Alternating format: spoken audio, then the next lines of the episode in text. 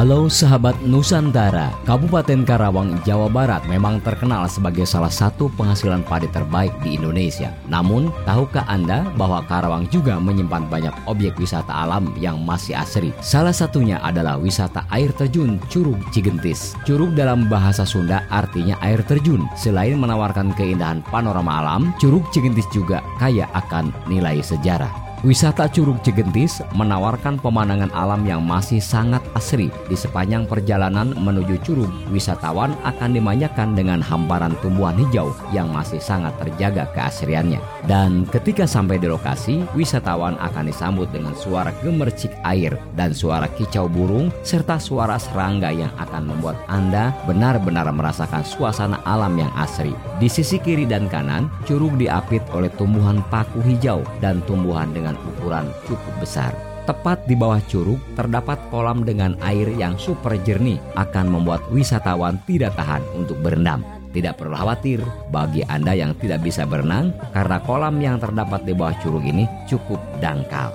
Dan untuk menuju ke Curug Cigentis hanya berjarak 44 km dari pusat kota Karawang untuk menuju desa Mekar Buana dari kota Karawang. Pengunjung dapat menggunakan kendaraan pribadi atau memanfaatkan jasa angkutan umum.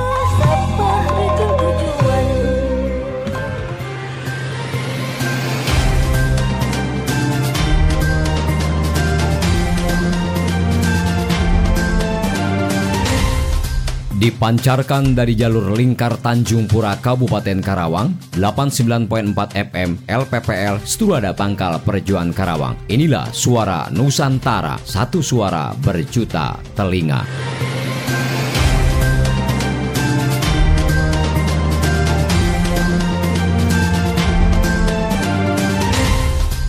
Assalamualaikum warahmatullahi wabarakatuh. Saya Irenja Sahabat ini. Saya Omen Balakutak. Dari LPPL Surada Pangkal Perjuangan Karawang, Jawa Barat mempersembahkan Suara Nusantara. Edisi 146 produksi LPPL Surada Pangkal Perjuangan Karawang, Jawa Barat.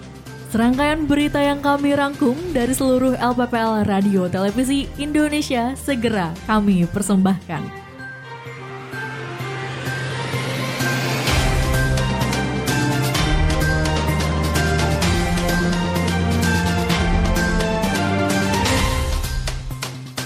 Baik saudara pendengar dan sahabat Nusantara di mana saja berada.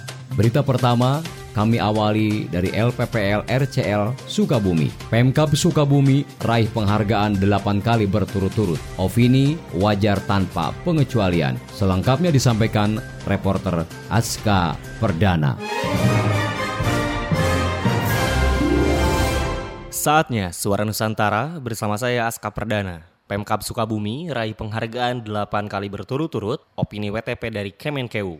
Pemerintah Kabupaten Sukabumi menerima penghargaan dari Kementerian Keuangan Kemenkeu Republik Indonesia. Penghargaan opini wajar tanpa pengecualian WTP tahun 2021 itu diterima langsung oleh Bupati Sukabumi Haji Marwan Hamami dari perwakilan kantor wilayah pembendaharaan Provinsi Jawa Barat di Pendopo Selasa 1 November 2022. Pemerintah Kabupaten Sukabumi menerima dua penghargaan. Pertama, opini WTP tahun anggaran 2021 atas keberhasilan menyusun dan menyajikan laporan keuangan tahun 2021. Penghargaan kedua diberikan atas capaian 8 kali berturut-turut meraih opini WTP. Kepala Bidang Pembinaan Akuntansi dan Pelaporan Keuangan Kanwil Ditjen Pembendaharaan Provinsi Jawa Barat, Abdul Rahman mengatakan, penyerahan piagam dan pelakat opini WTP ini merupakan amanah dari Kemenkeu Republik Indonesia. Hal itu sekaligus apresiasi atas capaian laporan keuangan Pemda Kabupaten Sukabumi. Capaian yang baik tersebut menurutnya harus terus didorong sehingga pelaksanaan pengelolaan keuangan di daerah bisa semakin baik. Bupati Sukabumi Haji Marwan Hamami mengaku bersyukur atas raihan tersebut. Menurutnya, semua bisa terjadi berkat kerja keras bersama, terutama perangkat daerah yang terus bekerja secara optimal. Maka dari itu, Haji Marwan mengajak semua perangkat daerah semakin giat bekerja dan termotivasi, khususnya setelah berhasil meraih opini WTP 8 kali berturut-turut. Demikian, Suara Nusantara disampaikan oleh saya Aska Perdana dari Radio Citra Lestari RCL 95,7 FM Sukabumi melaporkan.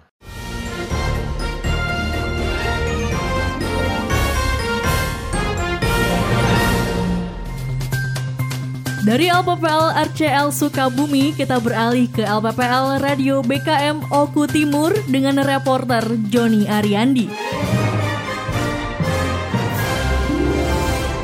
Berita yang di online, memang benar pagi tadi sekitar jam 10 karena mendapatkan isu penolakan pasien di media sosial, pihak Rumah Sakit RSUD Martapura, Oko Timur, konfirmasi atas isu tersebut bahwa telah melakukan penolakan terhadap pasien penyakit dalam yang masuk di instalasi gawat darurat EGD beberapa waktu lalu yang sebenarnya terjadi hanyalah miskomunikasi antara tenaga medis dengan pihak keluarga pasien.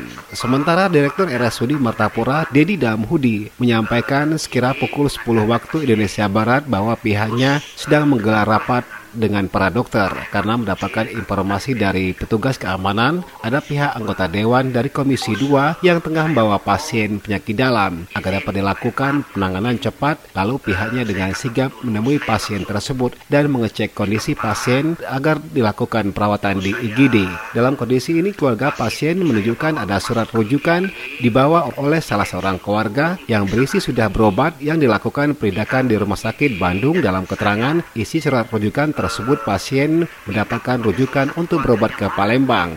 Namun demi penanganan sementara dan berhubung kota Palembang jauh menurut Dedi, maka pihak RSUD ambil tindakan membantu dan mengarahkan ke dokter spesialis penyakit dalam di Poli RSUD Matapura sehingga dapat dilakukan penanganan. rumah sakit yang ada di Bandung. Saya baca dengan seksama, rupanya rujukannya itu ke dokter spesialis penyakit dalam di Palembang.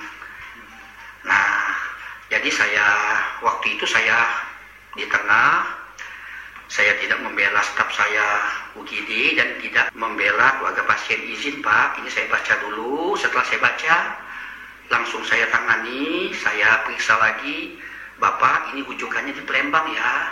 Tapi karena Palembang jauh, oke, kami arahkan ke spesialis penyakit dalam di poli kami, Dr. Agus Wijaya. Saya bertindak cepat, pasien tersebut saya kondisikan, walaupun pasien ada 18, saya kondisikan pasien tersebut nomor 5, nomor 6. Alhamdulillah diperiksa spesialis penyakit dalam kami, di EKG, dan diberi obat. Nah, Alhamdulillah keluarga pasien juga tadi meminta maaf ke saya, minta maaf dok, ah. ya saya juga Ditambahkan Dedi pihaknya berterima kasih atas kerjasama semua pihak dan ini menjadi masukan yang sangat berarti bagi pihaknya untuk perbaikan SDM, terutama perbaikan komunikasi yang baik dan benar dengan para pasien dan keluarga pasien. Pihak RSUD sendiri meminta maaf kepada kepada pihak keluarga karena adanya miskomunikasi terhadap dokter jaga pada saat pasien datang ke RSUD Martapura langsung meminta dirawat inap. Meskipun demikian, menurut dia saat ini pasien tersebut sudah diberikan penanganan khusus oleh pihak RSUD dan dibawa ke dokter penyakit dalam serta diberikan pengobatan agar mendapatkan perawatan kesehatan bagi pasien yang ada. Dari Oku Timur, Provinsi Sumatera Selatan, Joni Ariandi melaporkan untuk Suara Nusantara.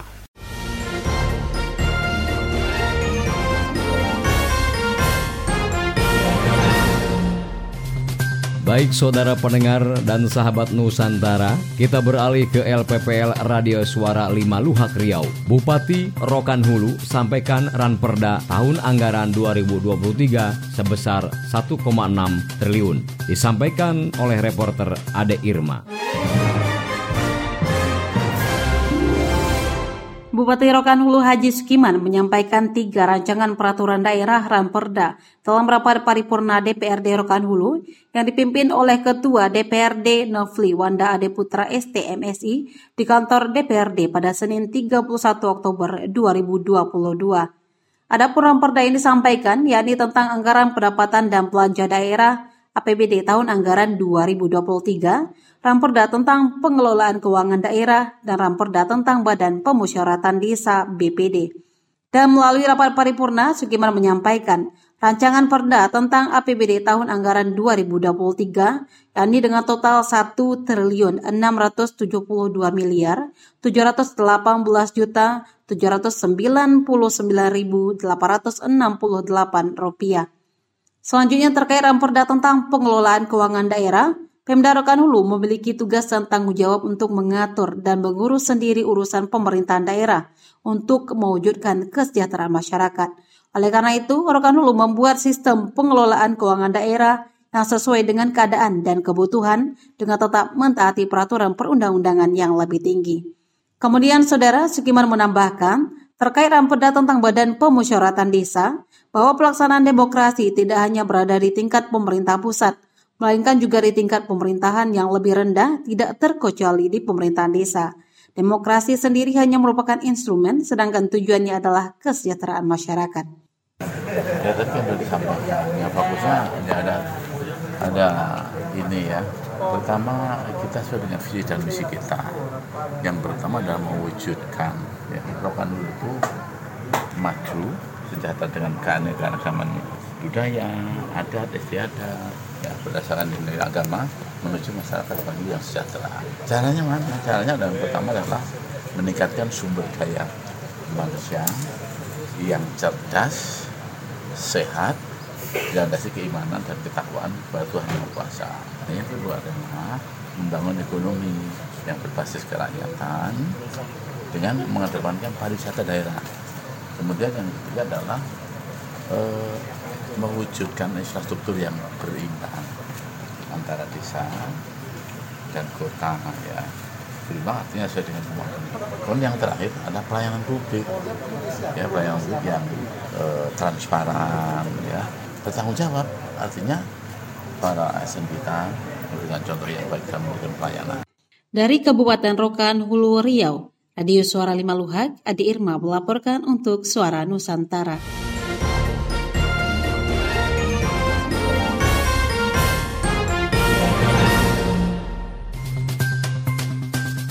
PLT Bupati Bogor Iwan Setiawan dampingi Menteri Kesehatan RI lakukan kunjungan ke PT Astra Komponen Indonesia ASKI, Kecamatan Citerep, Kabupaten Bogor dengan LPPL Radio Tegar Beriman bersama reporter Inggar Prilda.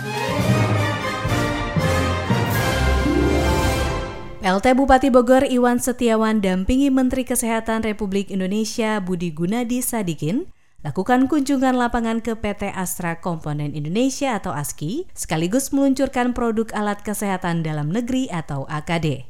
Salah satunya AKD USG 2D dengan teknologi canggih yang bisa melakukan telemedicine yang berlangsung di PT Astra Komponen Indonesia Kecamatan Citerep, Kabupaten Bogor. Untuk diketahui, USG 2D Telemedicine mampu bekerja secara terintegrasi antara layanan kesehatan tingkat puskesmas, posyandu desa, dan layanan kesehatan tingkat kabupaten. Selain USG 2D, beberapa produk juga diluncurkan PT ASKI, yakni Anthropometry Set dan Sterilization Autoclave. PLT Bupati Bogor Iwan Setiawan menyatakan sangat mendukung peluncuran diversifikasi usaha dari grup PT Astra yang secara umum dikenal sebagai produsen spare part atau auto part otomotif. Namun sekarang diverifikasi kepada alat kesehatan. Terlebih Kabupaten Bogor saat ini telah memiliki 4 RSUD dan 1 RSUD baru yang sedang dibangun di daerah Parung, Kabupaten Bogor. Rencananya RSUD kelima tersebut akan di soft launching pada akhir tahun 2022 mendatang dan layanan sementara sebagai klinik dan akan dilanjutkan kembali pembangunannya pada 2023 mendatang. Selanjutnya Menteri Kesehatan Republik Indonesia Budi Gunadi Sadikin mengungkapkan sangat mengapresiasi perusahaan di Indonesia yang mampu memproduksi alat kesehatan di dalam negeri sebagai upaya mempercepat transformasi kesehatan Indonesia. Inggar Prilda, Tim Komunikasi Publik Radio Tegar Beriman 95,3 FM, Diskominfo Kabupaten Bogor, melaporkan untuk Suara Nusantara.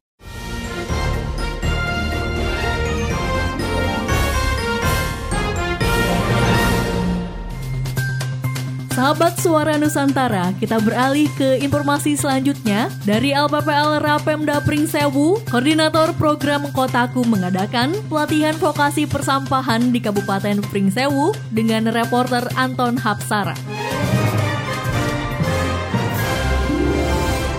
Sebagai upaya memberikan pemahaman dan kemampuan bagi masyarakat untuk mengelola sampah di lingkungannya dan menjadikan sampah sebagai bangkitan ekonomi masyarakat, serta membangun pemahaman tentang kelembagaan pengelola sampah, Koordinator Program Kota Tanpa Kumuh Kotaku Kabupaten Pringsewu mengadakan pelatihan vokasi persampahan.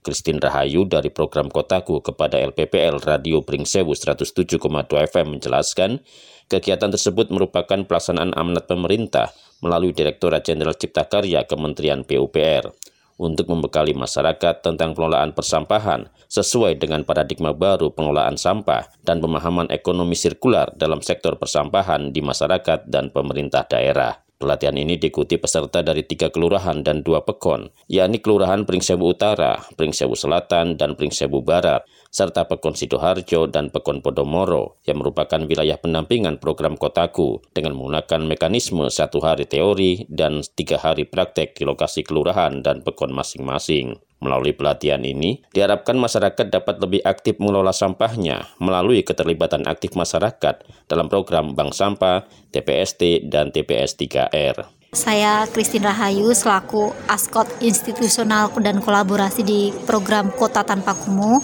Jadi kami menyelenggarakan terkait dengan kegiatan pelatihan vokasional pengelolaan persampahan yang ada di Kabupaten Pringsewu meliputi lima eh, kelurahan dan pekon yaitu Kelurahan Pringsewu Barat, Kelurahan Pringsewu Utara, Kelurahan Pringsewu Selatan, Pekon Podomoro, dan Pekon Sidoarjo. Tujuan dari pelaksanaan kegiatan ini yang pertama adalah membangun bagaimana pemahaman masyarakat terhadap kelembagaan atau keorganisasian yang ada di pengelolaan persampahan. Terus yang kedua, memberikan bekal keterampilan bagi masyarakat tentang edukasi persampahan sesuai dengan paradigma baru terkait dengan pengelolaan sampah dalam sektor persampahan di tingkat masyarakat dan pemerintah daerah.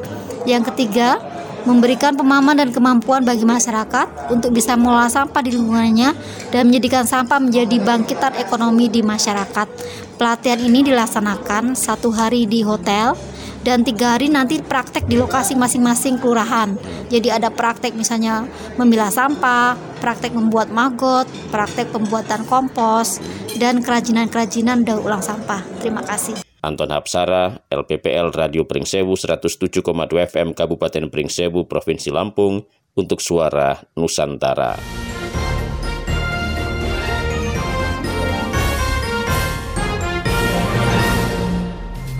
Saudara pendengar kita beralih ke LPPL Radio Basema FM Kota Pagar Alam mengajak masyarakat peduli dan menjaga. Akan disampaikan selengkapnya reporter Dian Puspitasari. Baik pendengar di mana pun berada kami informasikan Wali Kota Pagaralam Alpian Maskoni mengajak masyarakat Pagaralam untuk peduli dan menjaga pembangunan yang ada di Kota Pagaralam. Hal tersebut disampaikan Wali Kota pada saat meninjau pembangunan di area Lapangan Merdeka Kota Pagaralam pada hari Rabu 2 November 2022. Jangan sampai bangunan la alap atau sudah bagus mangke dirusak ngai tangan-tangan jahil nek di bertanggung jawab atau dirusak oleh tangan-tangan jahil dan tidak bertanggung jawab. Olah kita rawat Ayo kita rawat, kita jaga sama-sama, kita jaga sama-sama. Ikon kota ini, pesan wali kota. Pada kesempatan yang sama, Wali Kota Alpian Maskoni menyampaikan akan secara bertahap melakukan pembangunan di area lapangan Merdeka. Setelah pembangunan ini, area pasar kuliner ini rampung dikerjakan, maka kita akan bergeser ke lokasi sebelahnya membangun Taman Apung, sambung Wali Kota. Wali Kota juga mengatakan lapangan Merdeka akan dijadikan ikon kota Pagaralam, di mana lapangan tersebut akan dijadikan tempat multifungsi, mulai dari acara seremonial Pemkot Pagaralam, event musik, wahana bermain bagi anak anak-anak, pasar kuliner, dan tempat kongko-kongko bagi masyarakat Kota Pagaralam untuk menikmati suasana sunset yang berlatar belakang Gunung Dempo. Pembangunan area lapangan merdeka sendiri ditargetkan selesai sebelum perayaan tahun 2023, sehingga nantinya pada saat perayaan pergantian tahun, masyarakat Kota Pagaralam bisa menggunakan sarana dan prasarana di area tersebut, ungkap Wali Kota. Dari Kota Pagaralam, Provinsi Sumatera Selatan, LPPL Radio Besma FM Dian Puspasari melaporkan untuk Suara Nusantara. Satu suara berjuta telinga.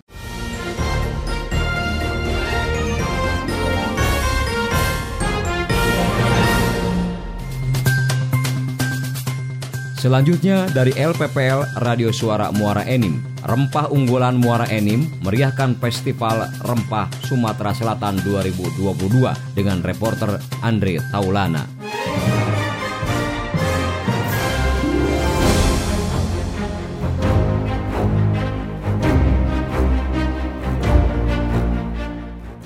Rempah unggulan Muara Enim meriahkan Festival Rempah Sumsel 2022.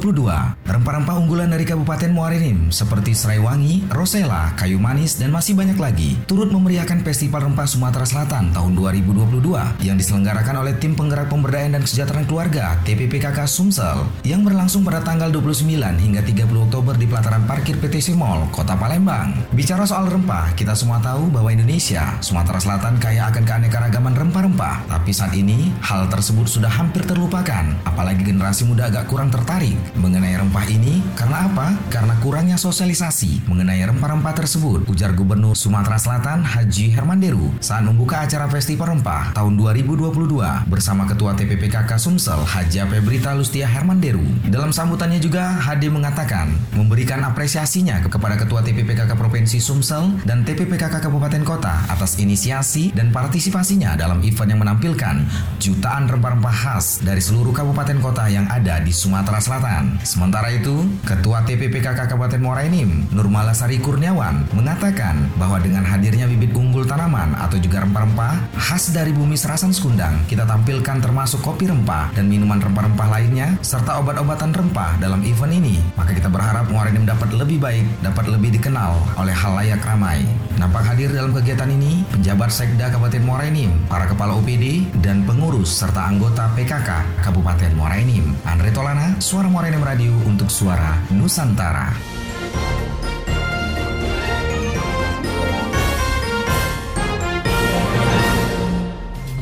Berita selanjutnya dari LPPL Radio Darussalam Musirawas Sumatera Selatan dengan reporter Noviansa.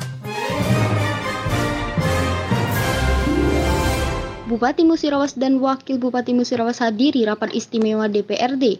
Bupati Musirawas Haji Ratna Mahmud bersama Wakil Bupati Haja Suwarti menghadiri rapat paripurna istimewa DPRD Musirawas dalam rangka peresmian pengangkatan atas nama Sri Sunarsi sebagai pengganti antar waktu Dewan Perwakilan Rakyat Daerah Kabupaten Musirawas. Masa jabatan 2019 sampai 2024, rapat istimewa digelar di Gedung Auditorium Pemerintah Kabupaten Musirawas Senin 30 Oktober 2022.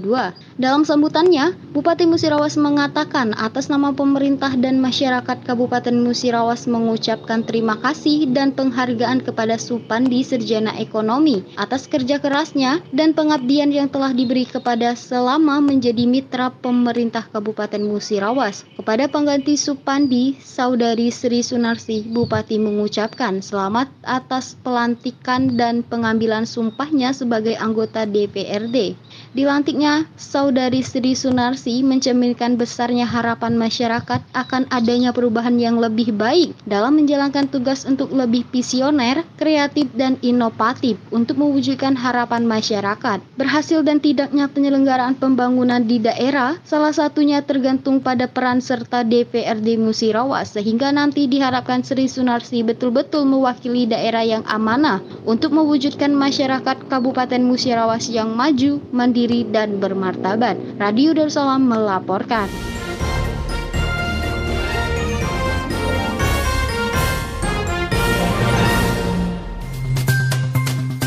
Dari LPPL Radio Darussalam Musirawas Sumatera Selatan, kita beralih ke LPPL In FM Kebumen Jawa Tengah. Kabupaten Sanggau Kalimantan Barat belajar EBLUD ke Kebumen. Selanjutnya bersama reporter In FM.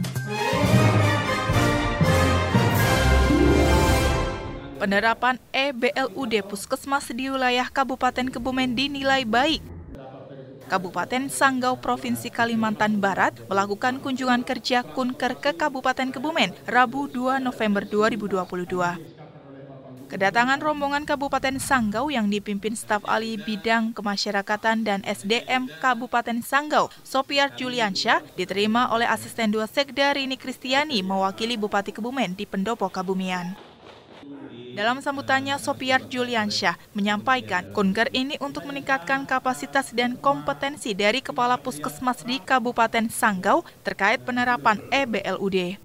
Mengingat per 1 Januari 2023, 19 puskesmas di Kabupaten Sanggau akan mulai menerapkan EBLUD. Dipilihnya Kabupaten Kebumen sebagai sasaran kunker karena sesuai dengan rekomendasi dari Kemendagri, di mana penerapan EBLUD Puskesmas di Kabupaten Kebumen menjadi salah satu yang terbaik di Indonesia. Dengan kunker ini diharapkan seluruh peserta kunker memiliki persepsi, pengetahuan dan pemahaman EBLUD Puskesmas dan mengimplementasikan di puskesmas masing-masing. Sementara itu, dalam sambutan tertulis Bupati yang dibacakan Asisten 2 Sekda menjelaskan, Dinas Kesehatan Kabupaten Kebumen selaku pembina teknis terus proaktif dalam melakukan pembinaan pada BLUD.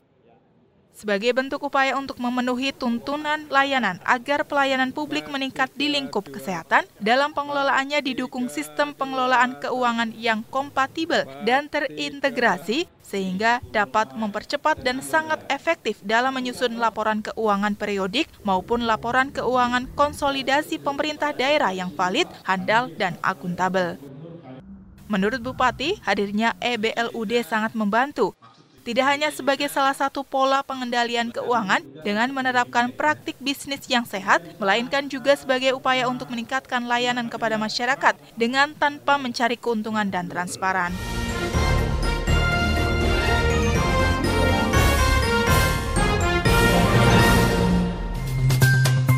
Baik sahabat Nusantara, selanjutnya dari LPPL Radio Ananta Praja Suara Jembrana Bali. Bupati Jembrana dukung rumah produksi bersama UMKM di Melaya dengan reporter Widi.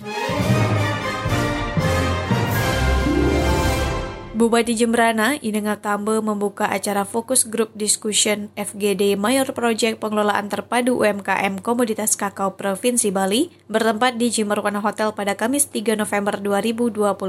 FGD Mayor Project Pengelolaan Terpadu UMKM khususnya komoditas kakao tersebut diinisiasi oleh Badan Perencanaan Pembangunan Nasional atau Bapenas dan difasilitasi rumah produksi bersama oleh Kementerian Koperasi dan UKM. Dalam sambutannya, Bupati Jemberana Inenga Tambo mengapresiasi dan mendukung program yang direncanakan Kementerian Koperasi dan UMKM, khususnya komoditas kakao. Di sisi lain, Sekretaris Deputi Bidang Usaha Kecil Menengah yang diwakili melalui Zoom oleh Kepala Bidang Rantai Pasok Kementerian Koperasi dan UKM Edi Haryana mengatakan, program Mayor Project Pengelolaan Terpadu UMKM berupa rumah produksi bersama. Pihaknya juga berharap rencana program Mayor Project Pengelolaan Terpadu UMKM Rumah Produksi Bersama ini dapat berjalan secara berkelanjutan. Dari Jemberana, Widi melaporkan untuk Suara Nusantara.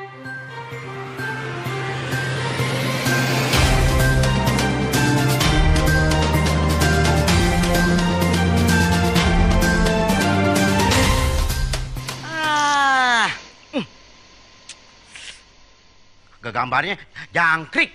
Ya, TV-nya masih analog ya? Ganti dong ke digital. Digital? Ya, digital. Tinggal install set-top box, gambar tajam, channel banyak, tanpa iuran bulanan. Hey, gimana? Bagus kan? Gambarnya jangkrik. Hah? Sambut era digital dan nikmati kesempurnaan gambarnya.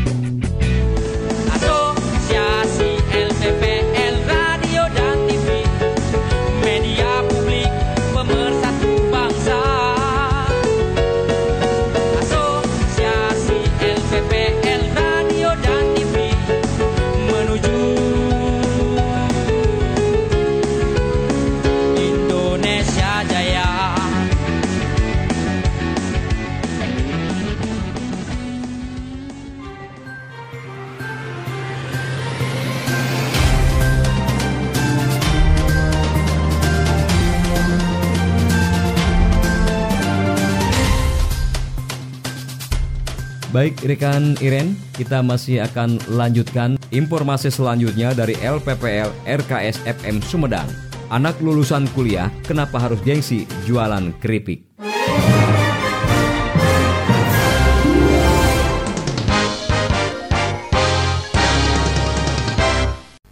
Salah seorang pemuda lulusan akuntansi di salah satu universitas di Bandung, Banting Setir, menjadi pengusaha dengan memanfaatkan hasil bumi yang melimpah. Berawal usaha merintis sejak 2015 hingga sekarang. Jadi dari usaha dan kerja kerasnya, kini dirinya bisa meraih keuntungan 35 juta dalam setiap bulannya. Umbi-umbian yang tumbuh subur di Kabupaten Sumedang, khususnya di Desa Cilembu, sudah banyak orang yang tahu akan kualitas dan rasanya. Hingga banyak masyarakat yang menjadikan ubi cilembu sebagai makanan keluarga atau sebagai oleh-oleh bagi sanak saudara. Namun di tangan Sopian Iskandar, ubi cilembu ini diolah menjadi cemilan yang mempunyai rasa berbeda dari yang sudah ada. Ubi cilembu ini dijadikan keripik ubi yang tentunya diberi bumbu bermacam-macam rasanya agar lebih menarik perhatian pembeli. Sopian mengemas dagangannya dengan berbagai bungkus yang menarik perhatian. Uh, dulu tahun 2011, dulu kan lagi uh, kuliah dulu hmm. di Bandung. Uh, kemudian dosen itu membuat challenge gitu yeah. bahwa kita membuat satu produk terus kita bikin produk itu semenarik mungkin hmm. terus kita pasarin nah kebetulan dulu eh, kita karena emang orang kampung melihat potensi daerahnya itu banyak ubinya yeah. nah dari sanalah kenapa enggak kita jadiin eh, bahwa sumber daya alam yang ada eh, karena ini juga makanan kenapa kita enggak jadiin bahwa semua yang berasal dari kampung bisa ke kota bisa jadi uang gitu. Aduh sebenarnya malu ya ah. sebutin. Dulu itu sebenarnya eh, tercetusnya karena dulu itu saya kerjanya di Jakarta ya. eh, beban hidup di sana eh, saya pikir lebih besar dibanding eh, penghasilannya. Hmm. Kemudian saya memutusin untuk resign dulu tuh. Ya udahlah kita balik lagi ke kampung uh, buka usaha dulu modalnya cuma 300 ribu ya itu juga menjual perhiasan anak uh, untuk harga kita ada beberapa uh, perbedaan ya hmm. antara misalkan kemasan kemasan yang biasa kemasan yang pouch gitu hmm. terus kita juga jual curahan di iya. curah itu yang kiloan kita jual. Untuk pemasaran eh, wilayah Sumedang sendiri ya Jawa Barat gitu udah masuk. Hampir semua kota lah di Jawa Barat. Terus paling Jawa Timur Jawa Tengah udah keluar pulaunya eh, sampai ke Palembang ke arah barat ke timurnya ke Nusa Tenggara Barat udah udah masuk.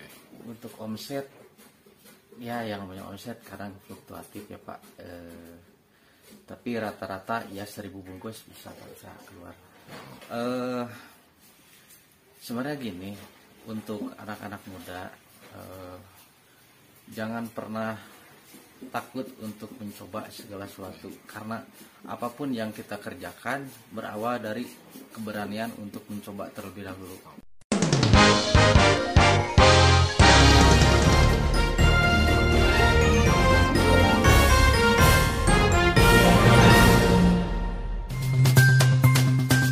Untuk informasi berikutnya dari LPPL Irama FM Purworejo. Selengkapnya akan disampaikan reporter Rizky Amalia. Pusat Kesejahteraan Sosial Puskesos Sistem Layanan Rujukan Terpadu Sekabupaten diharapkan menjadi salah satu lembaga yang mampu membangun data, mengupdate data kemiskinan, dan banyak menyelesaikan masalah sosial dalam mewujudkan kesejahteraan sosial masyarakat. Hal tersebut diungkapkan Wakil Bupati Purworejo Hajah Yuli Hastuti SH pada saat peresmian dan melaunching Puskesos SLRT di Pendopo Agung Kabupaten Purworejo pada Rabu 2 November 2022. Hadir dalam acara tersebut Asisten Pemerintah dan Kesra Dr. Andes Bambang Susilo, Kadin Sosdaldu KKB Ahmad Zainuddin SIPMM dan unsur terkait lainnya. Dalam sambutannya, Wakil Bupati mengapresiasi gagasan perubahan diklat Kepala Dinas Sosial Pengendalian Penduduk dan Keluarga Berencana Kabupaten Purworejo yang mengangkat isu optimalisasi penyelenggaraan jaminan kesehatan daerah menuju cakupan kesehatan semesta atau Universal Health Coverage. Isu tersebut relevan dengan kondisi UHC Kabupaten Purworejo yang baru mencapai 83 persen, membutuhkan kerja keras dan konsistensi untuk mencapai 98 persen sesuai dengan target RPJMN. Menurutnya, kesehatan menjadi salah satu kunci tercapainya visi Purworejo berdaya saing 2025. Daya saing sumber daya manusia tidak hanya dilihat dari kecerdasan intelektual, spiritual, dan emosional, namun didukung dengan kualitas kesehatan secara fisik. Ke depannya, Puskesos akan memberi manfaat apabila mampu melaksanakan peran dan fungsi secara baik dalam perlindungan sosial dan penanggulangan kemiskinan. Wakil Bupati menambahkan program pemerintah dalam percepatan penanggulangan kemiskinan dapat segera menampakkan hasil. Salah satunya adalah melalui bantuan sosial dan jaminan sosial yang benar-benar tersalurkan tepat sasaran, tepat mutu, dan tepat waktu.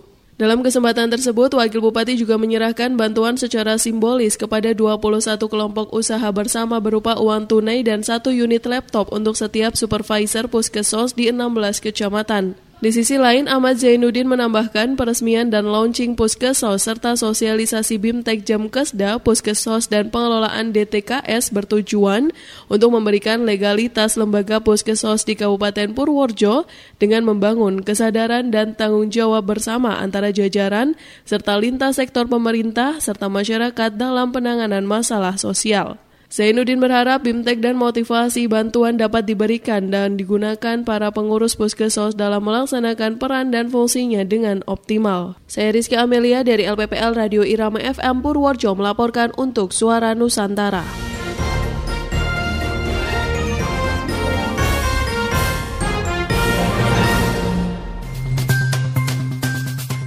Dari LPPL Irama FM Purworejo, beralih ke LPPL Radio Seganti Setungguan Kabupaten Lahat Sumatera Selatan, Cik Ujang hadiri launching aplikasi si penting atasi stunting sampai nol Gaspol bersama reporter dari Radio Seganti Setungguan.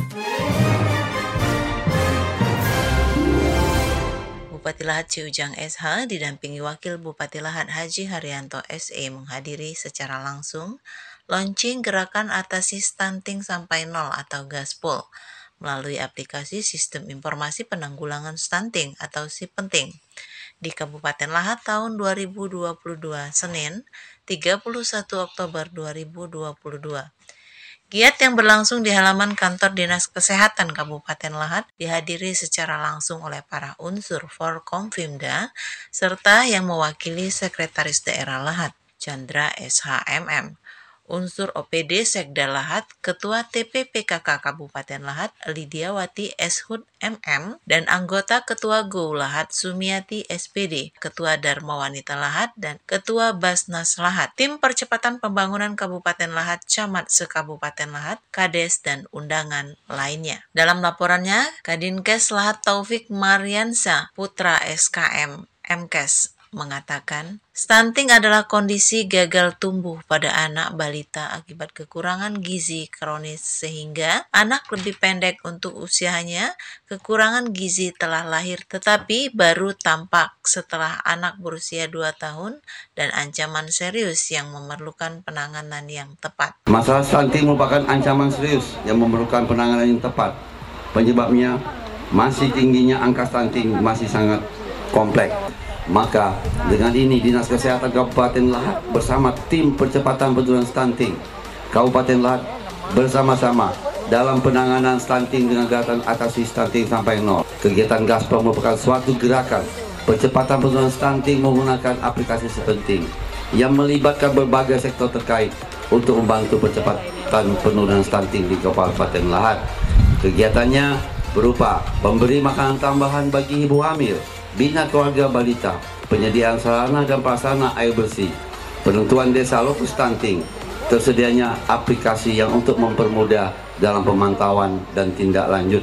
Sementara Bupati Lahat Ujang SH mengatakan hari ini kita bersama dalam rangka pencegahan stunting di Kabupaten Lahat. Stunting masih menjadi tantangan utama dalam pembangunan kesehatan. Seperti yang disampaikan oleh Kepala Dinas Kesehatan Kabupaten Lahat bahwa pada riset kesehatan dasar Riskesda 2018 prevalensi stunting 48,1 persen dan alhamdulillah menurut hasil studi status gizi Indonesia atau SSGI 2021 prevalensi, prevalensi stunting 22,4 persen dan mari kita semua mendukung upaya gerakan atasi stunting sampai nol. Gaspol di Kabupaten Lahat khususnya turun menjadi 14 persen pada tahun 2024 sesuai target Bapak Presiden Republik Indonesia Bapak Jokowi Widodo. Gerakan atasi stunting sampai nol Gaspol Kabupaten Lahat tahun 2022 bertujuan untuk penguatan penanganan stunting melalui Gaspol, gerakan atasi stunting sampai nol. Dengan kerjasama sebagai stakeholder di Kabupaten Lahat untuk mewujudkan Kabupaten Lahat bebas stunting. Untuk itu, mari bersama-sama kita mendukung gerakan atasi stunting sampai nol ataupun Gaspol. Dengan menggunakan aplikasi si penting karena target penurunan stunting 14% di tahun 2024 tidak akan berhasil kita capai tanpa kerjasama yang baik. Dengan mengucapkan Bismillahirrahmanirrahim, atasi stunting dengan gaspol secara resmi kita nyatakan dibuka.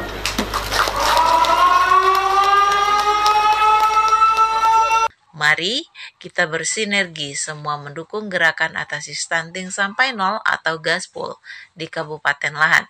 Dan dalam upaya penurunan stunting ada inovasi, adanya aplikasi informasi penanggulangan stunting atau si penting dalam mewujudkan Kabupaten Lahat bebas stunting. Saya Eri Sufriati, reporter LPPL Radio Seganti Setungguan FM Lahat, Sumatera Selatan, bersama tim teknis Dinas Komunikasi dan Informatika Kabupaten Lahat, melaporkan untuk Suara Nusantara.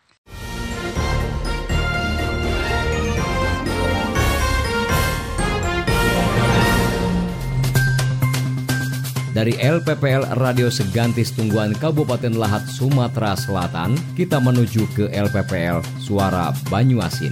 Bupati Banyuasin buka BIMTEK BPD bersinergi dalam membangun desa. Selengkapnya bersama reporter Ima Abdullah.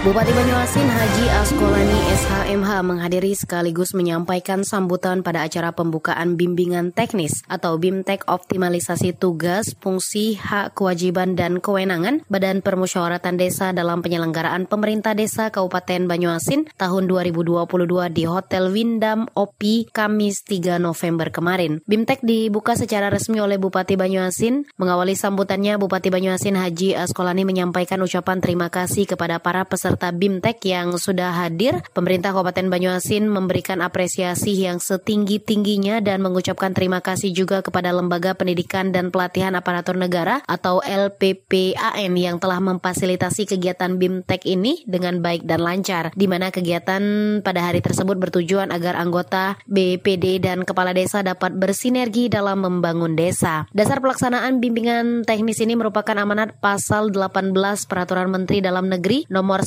110 tahun 2016. Adapun fungsi BPD berdasarkan amanat pasal 31 Permendagri nomor 110 tahun 2016 membahas dan menyepakati rancangan peraturan desa bersama kepala desa, menampung dan menyalurkan aspirasi masyarakat desa, memahami apa yang menjadi fungsi dan tugas BPD dalam mendukung visi misi pemerintah Kabupaten Banyuasin, yakni Banyuasin Bangkit, Adil, dan Sejahtera. Dilanjutkan Haji Askolani mengingatkan kepada anggota BPD agar senantiasa menjaga harmoni harmonisasi dengan pemerintah desa karena profesionalisme dan integritas kepala desa, perangkat desa dan BPD sangat penting dalam membangun desa agar menyatukan langkah dan menyamakan cara pandang dalam membangun desa. BPD ini adalah lembaga miniatur DPR yang ada di desa. Di kesempatan yang sama, Ketua DPRD Kabupaten Banyuasin Irian Setiawan SHMH mengatakan BIMTEK BPD pada hari tersebut adalah orang-orang pilihan di masyarakat yang telah dipilih di desa masing-masing.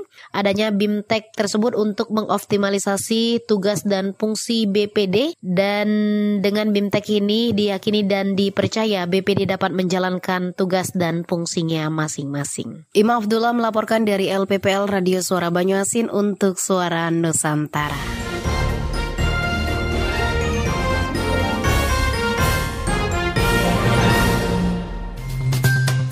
Berikutnya saudara pendengar dan sahabat Nusantara dari LPPL Rewako FM Goa Sulawesi Selatan. Bupati Goa Sulawesi Selatan Adnan Purista Iksan dinobatkan sebagai pemimpin daerah di Indonesia terpopuler di media digital tahun 2022. Subkategori Pemerintah Kabupaten pada ajang Anugerah Humas Indonesia atau AHI tahun 2022. Anugerah Humas Indonesia atau AHI tahun 2022 menobatkan Bupati Goa Sulawesi Selatan Adnan Purita Esan sebagai pemimpin daerah di Indonesia terpopuler di media digital tahun 2022 subkategori pemerintah Kabupaten Goa. Penghargaan ini diterima oleh Kepala Dinas Komunikasi Informatika, Statistik dan Persandian Kabupaten Goa Arifuddin Saeni mewakili Bupati Goa pada penyerahan penghargaan AHI 2022 di Hotel Atria Malang, Jawa Timur pada Jumat malam 28 Oktober 2022.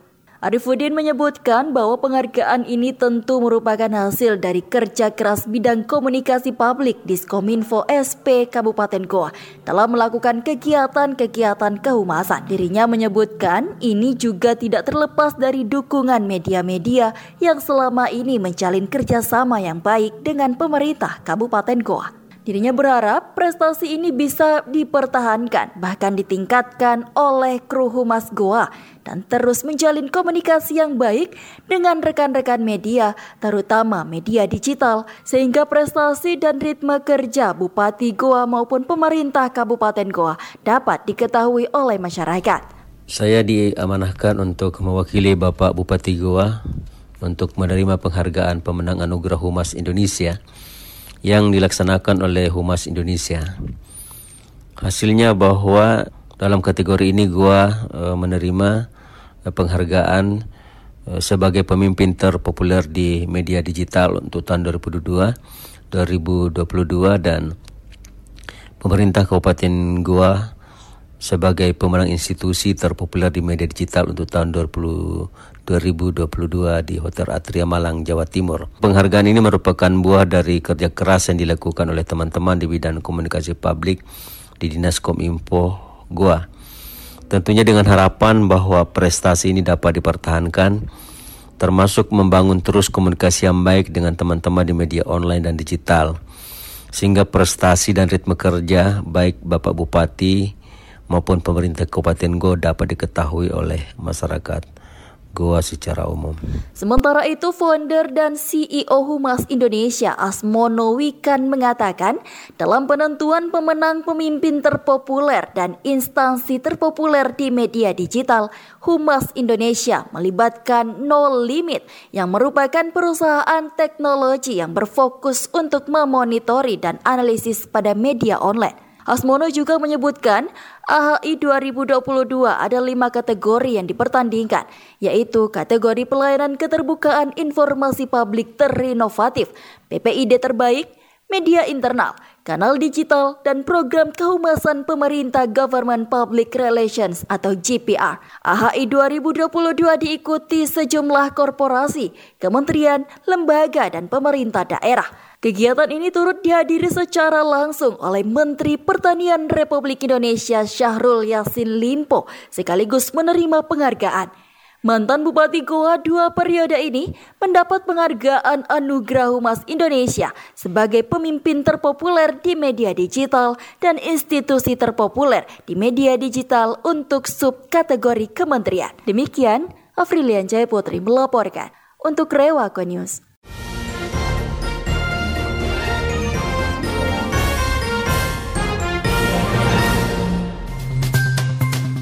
Informasi selanjutnya dari LPPL Radio Abirawa FM Batang. Kembali digelar Festival Drama Pelajar jadi ajang regenerasi pelaku teater muda di Batang bersama reporter Harry Kisyanto.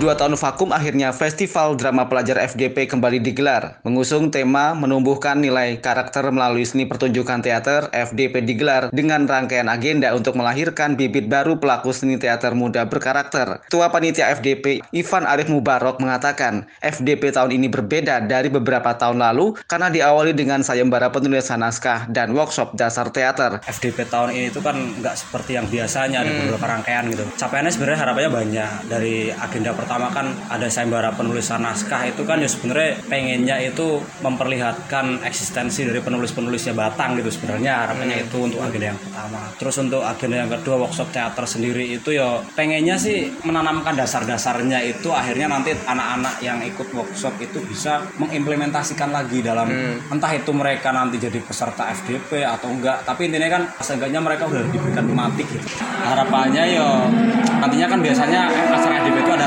rangkaiannya setelah pementasan itu bakal ada istilahnya rekrutmen untuk eh, regenerasi gitu. Jadi eh, gabungan membuat pentas gabungan dari alumni-alumni FDP gitu. Sementara Kepala Disdikbud Batang Ahmad Taufik mengapresiasi karena FDP digarap dengan agenda beruntun hingga menghasilkan bibit baru pelaku seni pertunjukan teater. apresiasi dari kegiatan komite teater yang wadah besar DKD. Kita tahu DKD-nya sekarang ketuanya Pak Roso ya. Dan teater ini sudah diawali dari kegiatan pelatihan yang di Karanganyar dalam rangka yang sangat penting sekali menumbuhkan nilai-nilai karakter melalui peta seni pelajar.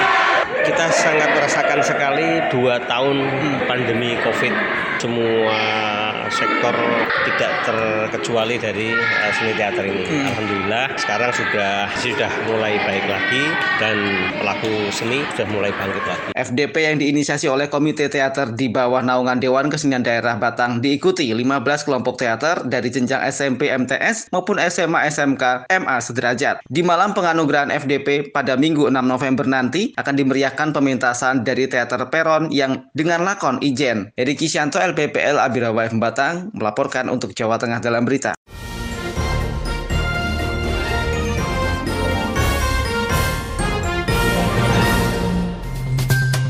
Beralih dari LPPL Radio Abirawa FM Batang, selanjutnya dari LPPL Sawah Lunto FM dengan reporter Ferdian Cuk.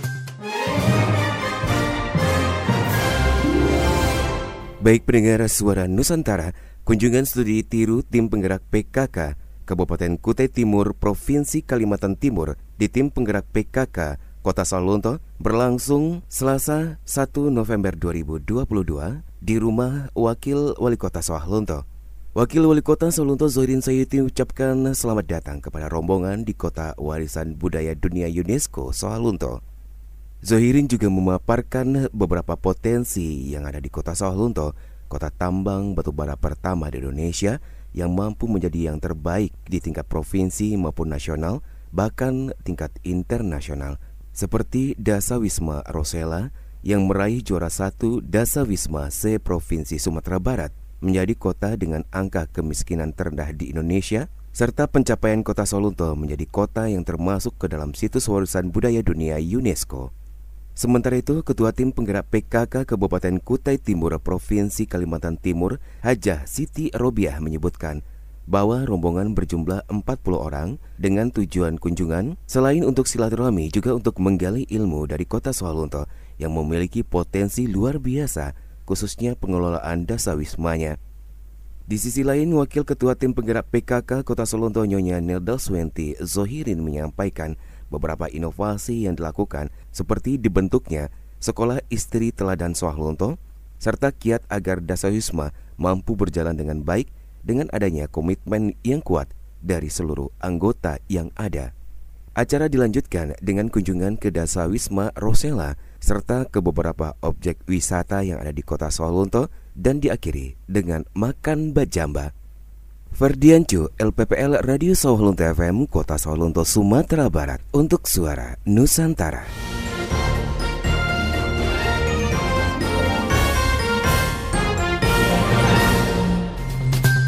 Kita akan beralih ke informasi berikutnya dari LPPL Radio Mesuji dan selengkapnya akan disampaikan oleh reporter Melinda. Bupati Mesuji Bapak Sulepakar berikan kado spesial atas kelahiran seorang bayi. Lahirnya bayi perempuan di Rumah Sakit Umum Daerah Raga Begawe Caram, Kabupaten Mesuji, mengundang perhatian penjabat Bupati Mesuji Bapak Sulepakar. Bahkan, penjabat Bupati Mesuji Bapak Sulepakar memberikan kado spesial dengan memberikan nama kepada bayi perempuan tersebut dari pasangan Bapak Tarno, 52 tahun, dan Ibu Siti Maisaroh, 22 tahun, warga desa Adimulyo, Kecamatan Pancajaya, Kabupaten Mesuji. Bayi perempuan perempuan yang lahir pada hari Jumat 28 Oktober 2022 pukul 17.30 waktu Indonesia Barat tersebut diberikan nama Alisa Satara Hasna oleh penjabat Bupati Mesuji Bapak Solopakar. Beliau menyambangi bayi perempuan pasangan Bapak Tarno dan Ibu Maisoroh di rumah sakit pukul 16.30 waktu Indonesia Barat Senin petang 31 Oktober 2022. Dalam kesempatan tersebut, Bupati Bapak Sulapakar mendoakan bayi perempuan yang diberikan nama olehnya agar selalu diberikan kesehatan beserta orang tuanya. Selain berdoa, penjabat Bupati Mesuji Bapak Sulapakar juga memberikan sumbangsih untuk kebutuhan proses persalinan dan kebutuhan lainnya. Menurut penuturan Bapak Tarno, orang tua bayi perempuan ketika dikonfirmasi awak media di rumah sakit mengatakan bahwa dirinya mengucapkan terima kasih kepada Bapak Bupati Sulpakar yang telah memberikan perhatian sumbangsih kepada keluarganya dalam hal proses kelahiran anak pertamanya di rumah sakit secara cesar tanpa halangan apa pun dan semuanya diberikan kelancaran. Masih dilanjutkan Bapak Tarno, penjabat Bupati Mesuji Bapak Sulpakar memberikan nama anak perempuannya bernama Alesa Satara Hasna. Alesa artinya selalu dilindungi Allah, Satara artinya ramah, dan Hasna artinya cantik ujar beliau. Saya Melinda dari Mesuji Radio melaporkan untuk Suara Nusantara.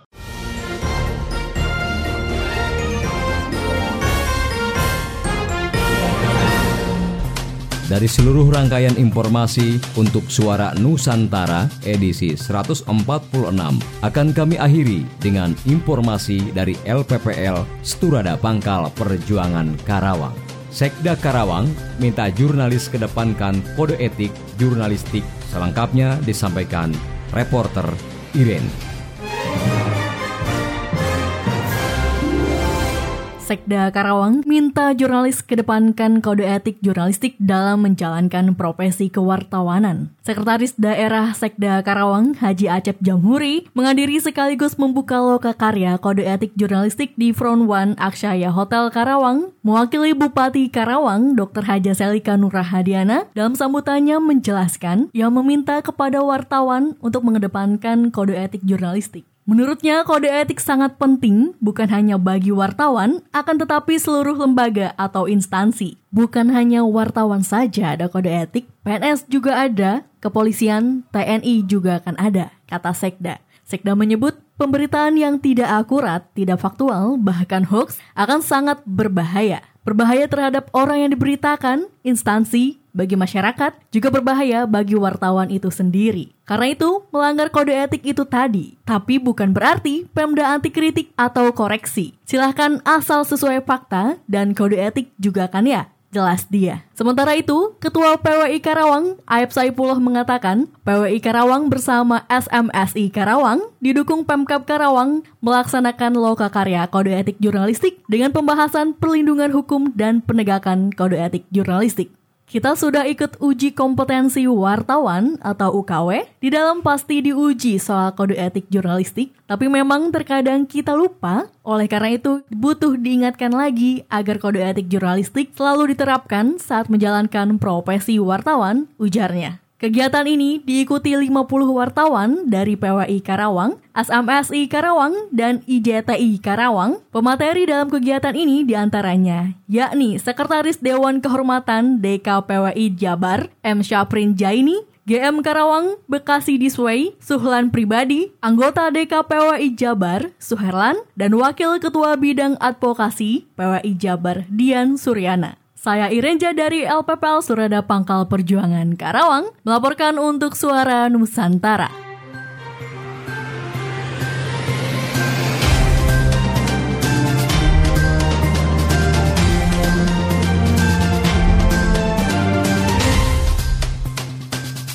Saudara pendengar, demikianlah Suara Nusantara edisi 146 produksi LPPL Sturada Bangkal Perjuangan Karawang. Saya Kang Omen Balakutak.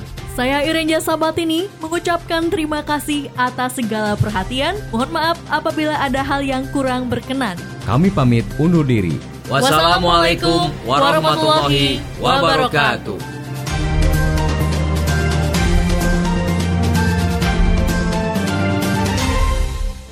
Semangatlah insan radio